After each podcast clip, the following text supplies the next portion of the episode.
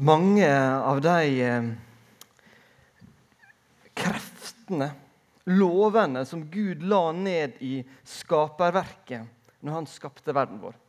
Det har vitenskapsfolk, forskere, klart å funne en formel for. Ved tyngdekraft og Lurer forresten på om den er blitt litt sterkere i det siste. Men sentrifugalkraft og mange andre krefter. Men de fineste kreftene som Gud la ned i dette skaperverket, det tror ikke jeg at disse vitenskapsmennene har oppdaga. Det tror ikke jeg er pensum i naturfag eller fysikk. I Lukas 19, 1-10 der kan vi lese om Sakkeus, denne tolleren som fikk eh, et møte med Jesus. Han hadde blitt rik, han hadde levd i luksus fordi han hadde lurt penger fra folk. Sakkeus eh, ble forvandla fullstendig. Snuoperasjonen til Sakkeus er ganske sjokkerende. Og Jeg er sikker på at det var mange som hadde prøvd å fortelle Sakkeus at han måtte gjøre noe med livet sitt. Kanskje hadde både kjefta på han og sagt du må slutte å ta penger fra de som har mindre enn deg. Kanskje hadde med list prøvd å sagt 'vær så snill'. Uten hell. Men når Sakkeus i møte med Jesus får erkjenne sine feil, søke tilgivelse hos Jesus, så utløser det store ting i livet hans. tilgivelsens kraft og nådens kraft.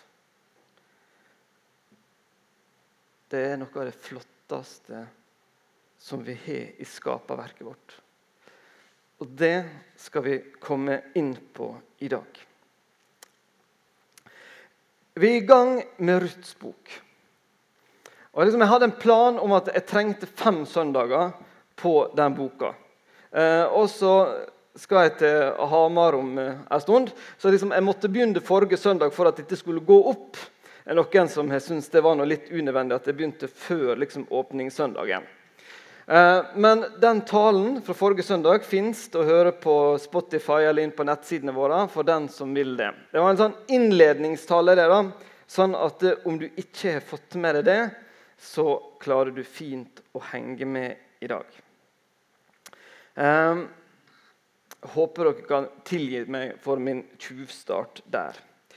Eh, jeg syns Ruths bok er ei fantastisk bok. Og Hvis jeg skulle rangere tekstene i Bibelen, så hadde det som Maria så nydelig leste til oss nettopp, kommet veldig langt opp på ei slik liste. Jeg skal dele opp eh, den teksten i eh, to. Eh, først si litt om valget til Naomi, som hun tok tidlig i denne teksten. Og så skal vi bruke mest tid på å snakke om Ruth sitt valg etter hvert. Naomi og den nå døde ektemannen Elimelek de hadde reist altså fra det landet som Gud hadde gitt dem, til hedningelandet Moab da tørken satt inn. Og Konsekvensen av dette er jo som vi hørte Naomi har mista både mann og to sønner. Hun er alene igjen med sine to svigerdøtre. Men i vers 6 så tar Naomi et livgivende valg. Hun har hørt at nå har Gud åpna himmelen igjen i Betlehem. Regnet er kommet. Dette, altså Betlehem, som betyr brødhuset, var nå fylt igjen. Det var overflod i landet som Gud hadde gitt dem. Og Naomi bestemmer seg for at det er på tide å vende hjemover.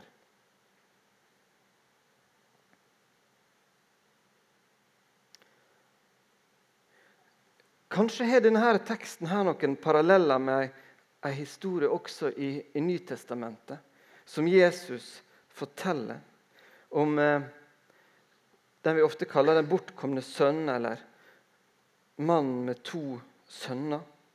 En, en sønn som ber faren sin om han kan få sin del av arven altfor tidlig. Så spør han om det her. Eh, får det, reiser til et langt, langt borte, bruker det opp. Eh, møter hungersnød. Og så får han på et tidspunkt høre at tjenerne hjemme hos far min har jo det bedre enn hva jeg er her. Så planlegger han hvordan han kan reise hjem til faren, ydmyke seg overfor han, be om å få lov til å være en av tjenestefolka. Men så møter denne faren han med åpne armer. Han venter på han. Ønsker han hjertelig velkommen hjem igjen og lager fest for han. For Naomi hun kunne valgt å bli i Moab. Kanskje hadde det til og med frista å bare bli der. Kanskje hadde det vært det letteste. Slippe å møte blikket til noen av disse naboene som hun hadde valgt å reise fra. Så kanskje syns at de gjorde et dumt valg da de for.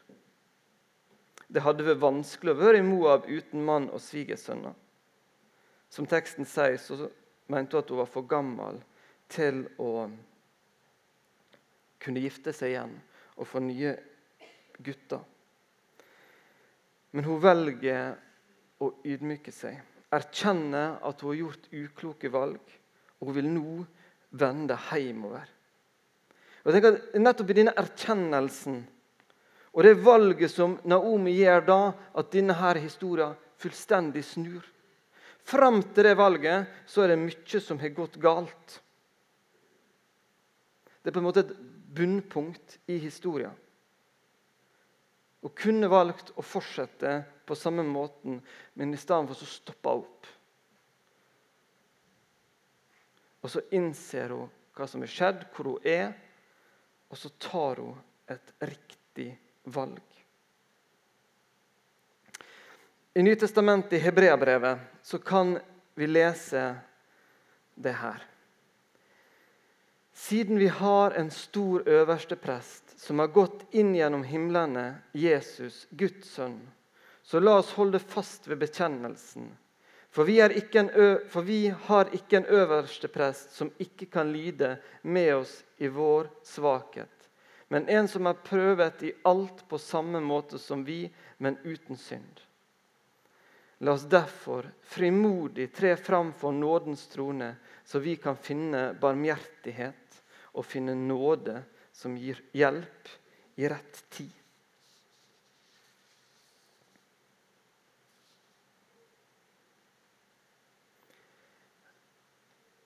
Det var ikke for seint for Naomi. Og det er ikke for seint for oss. Gud han er større enn hele vår fortid. Gud er større enn hele vår nåtid og framtid. Uansett hva som er skjedd, uansett hva skjer, så vil det ikke være for seint. Erkjenne våre feil overfor Jesus. Be om tilgivelse.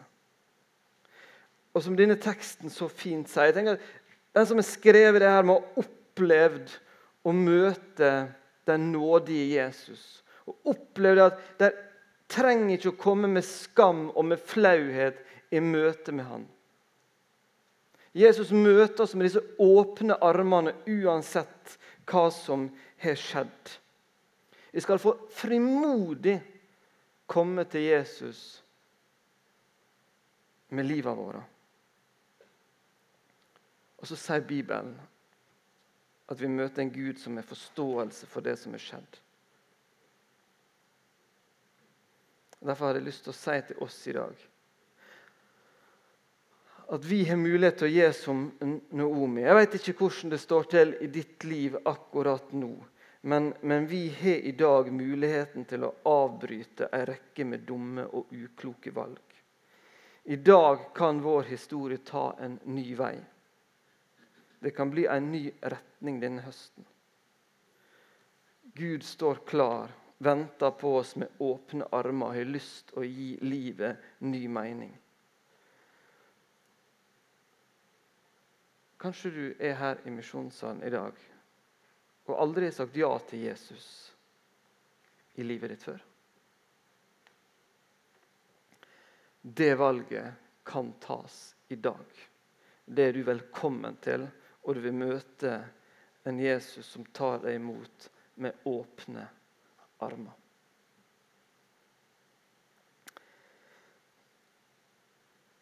Vi skal gå videre. Vi skal snakke om forholdet mellom Ruth og Naomi og Ruth sine valg. For når en ektemann dør, døde den gang det, liksom, Historia, kulturen deres, eh, sier at da var det brødrene som skulle gifte seg med eh, kona til da, eh, den avdøde broren. Så hvis at eh, Noomi hadde hatt flere sønner, så var det deres ansvar å ta seg av Orpa og Ruth. Men det var ikke flere. Det var heller ikke noen nære slektninger. De hadde jo dratt langt fra Betlehem til Moab. Det var ingen som kunne gifte seg med Orpa og Ruth og ta seg av deres familie. Noomi var oppi åra, eh, skjønte at hun kunne ikke bidra med menn til disse to svigerdøtrene sine. Skjønte at det letteste her var om de kunne bare være igjen der i, i Moab. Der kunne de starte nye familier. Og så kunne hun eh, vandre hjem til Betlehem. Se om hun kunne finne der noen slektninger som kunne hjelpe henne. Hun var glad i svigerdøtrene sine. Hun ville dem det beste og tenkte at det måtte være i Moab. Og Vi ser jo at både Orpa og Ruth også var veldig glad i si svigermor eh, og vil følge henne hjem til Betlehem. Etter hvert så lar Orpa seg overtale til å bli i Moab, men Ruth hun nekta å forlate si svigermor. Som, som, Maria leste, og som det står i Bibelen, så står det 'klynge seg til'. Ruth klynga seg til Noomi. Og, og på eh, hebraisk så er det ordet eh, 'dabak'. Og Det er det samme ordet som står i 1. Mosebok 2,24 om at en mann skal forlate sin far og sin mor og så skal være sammen med sin kone, skal klynge seg til sin kone. Det er et sterkt uttrykk som her blir brukt. Virkelig ville Ruth være med sin svigermor og ikke forlate henne. Det er et tøft valg. Ruth tar. Hun sier med dette valget så sier hun at jeg forlater alt som er kjent i mitt liv. Jeg forlater landet mitt. Jeg forlater kulturen min. Jeg forlater religionen jeg er oppvokst og opplært til. Jeg forlater den familien jeg er født i.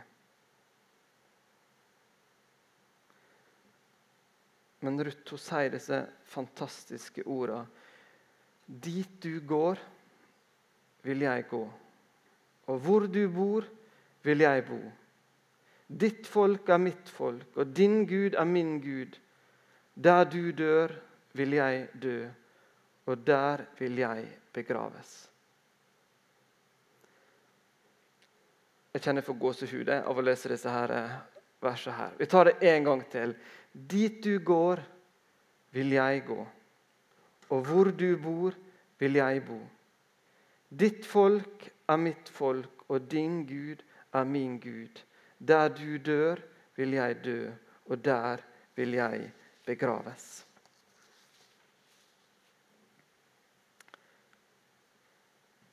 Vi skal snart se mer på de konsekvensene for Ruth som dette valget medfører. Men det som står igjen som det store spørsmålet for meg Hva var det som får Ruth til å si disse ordene her? Som jeg nettopp sa, Hun forlot jo alt det som var kjent for henne. Villig til å flytte fra familie, kultur, land. For å bli med sin svigermor til en høyst usikker framtid. Hva hadde Ruth sett, hva hadde hun opplevd sammen med sin svigermor som gjorde at hun kunne ta det valget her?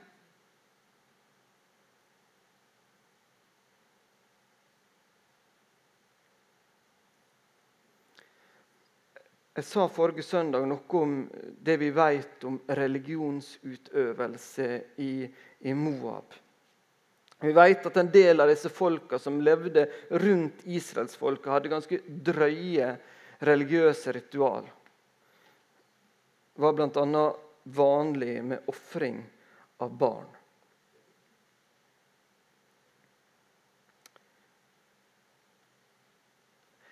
Jeg sjøl, eh, da vi bodde i Peru, møtt mennesker, sett mennesker som lever i en konstant frykt for å ikke tilfredsstille de gudene de forholder seg til. Jeg har sett at Den redselen den kan slite mennesket ut. Er så redd for å ikke tilfredsstille det de tror på. Kanskje hadde Ruth sett hvordan Naomi hadde det med sin Gud. Hennes gudsforhold, hennes trygghet. At det var det som fikk henne til å ta dette valget.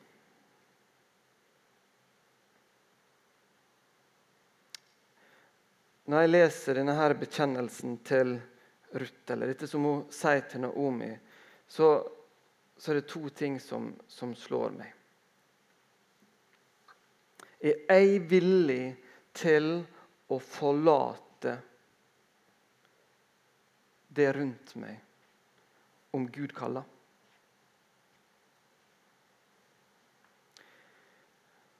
Hva er det som holder meg igjen for å bare si Gud, jeg gir meg helt og fullt til deg.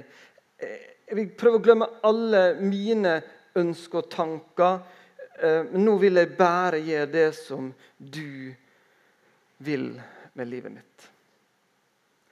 Jeg kjenner iallfall på at det ofte er vanskelig å si. Jeg trenger å be Gud om kraft og mot til å holde meg på rett vei.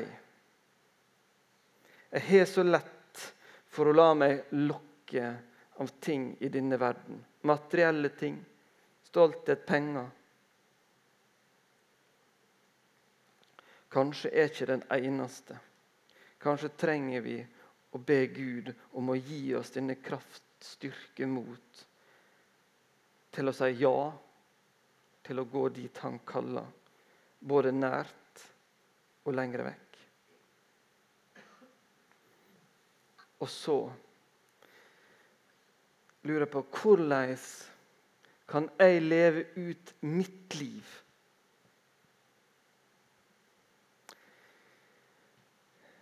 slik at jeg kan få lov til å vise mennesket veien til Gud, slik som Naomi. Hvordan kan, kan jeg leve ut mitt gudsforhold slik at det er noen som får, lov, får lyst til å si at de ønsker å forlate sin kultur, sin religion, det de har tidligere vært overbevist om for å følge den guden som jeg tror på.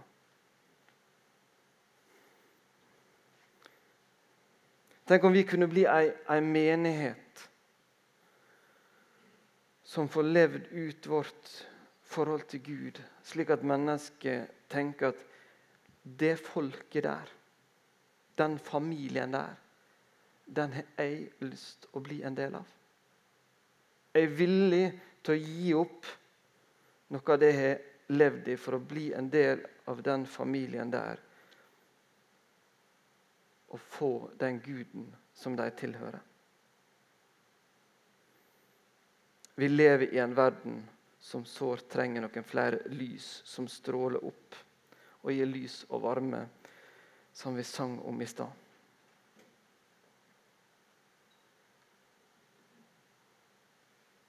Jeg håper at dette valget til Ruth kan inspirere oss til noe av det her.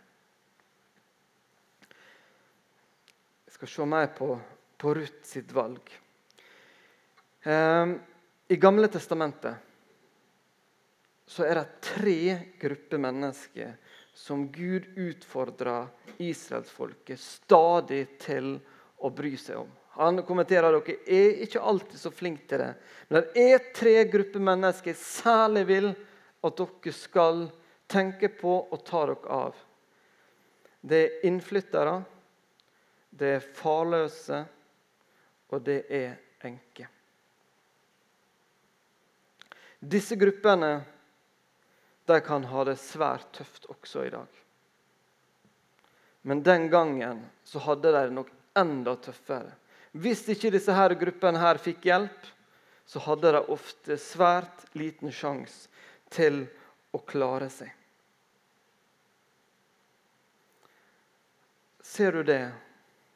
At når Ruth kommer vandrende inn i Betlehem sammen med Naomi, så huker hun av på alle tre.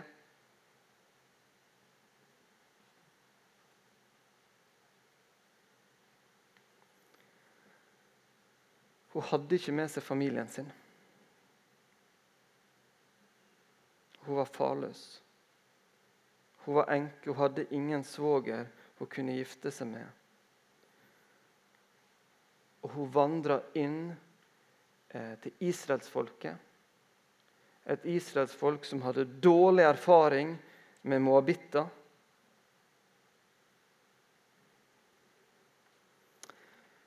Det var et tøft valg for Ruth å bli med Naomi på den vandringa der. Vi skal de neste søndagene se konkret på hva er det som skjer med Ruth når hun kommer tilbake til Betlehem. Men hvis vi nå bare tar litt av store linjene Hedningekvinna Ruth, som ble født i Moab en plass mellom 1100 og 1400 før Kristus. Hun som ikke hadde vært en del av Guds folk. Hun som ikke kjente Abraham, Isak og Jakob sin Gud. Hun som var opplært til å dyrke bal. Hun får ei svigermor og gjennom det et møte med Gud. Og tar et valg om å bli en del av Guds folk og tilbe Guden til sitt nye folk. Hun velger å stå stødig ved sida av sin svigermor gjennom tøffe tider. Og dette her det medfører at etter hvert, som vi også skal få se om et par søndager, så blir hun mor til Obed. Hun blir oldemor til kong David. Kongen som får de beste skussmål av Gud. Kongen etter Guds hjerte. Her ser dere de 16 første versene i Matteus 1.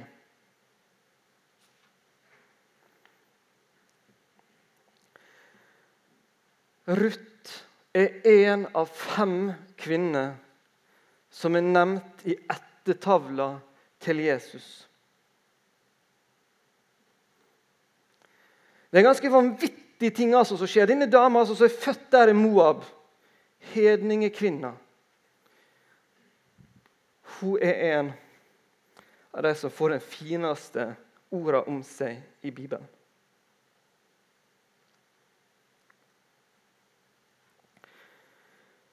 Hvordan kan noe sånt skje?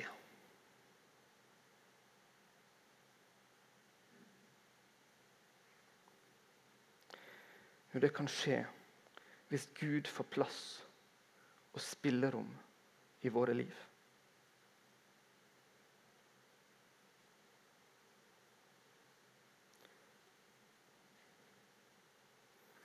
Ruth Hun fikk lov til å være ei brikke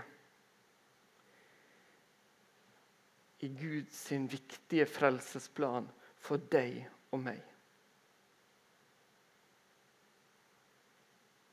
Vi som lever drøyt 3000 år etter henne.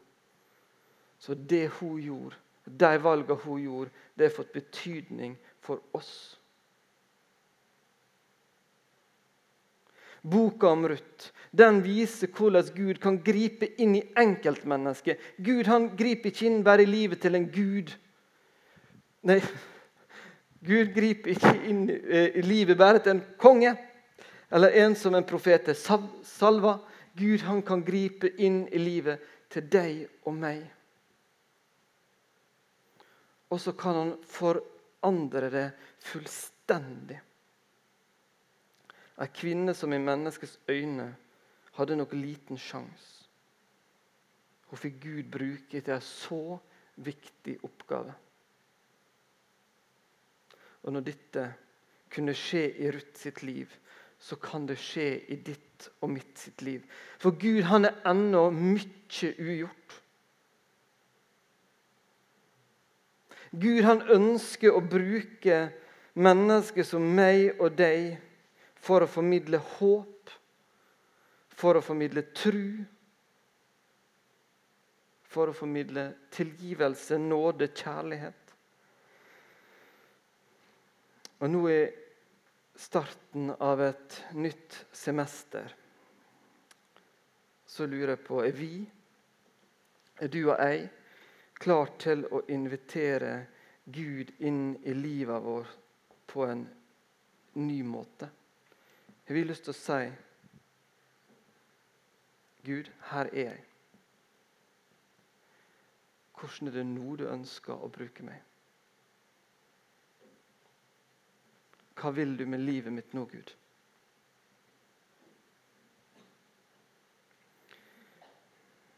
Hvis jeg skriver litt om det som Ruth sa Kanskje det kan bli noe vi kan si. Dit Jesus leder meg, vil jeg gå. Og hvor han bor, vil jeg bo. Ditt folk, Jesus, er mitt folk, og din Gud, Jesus, er min Gud.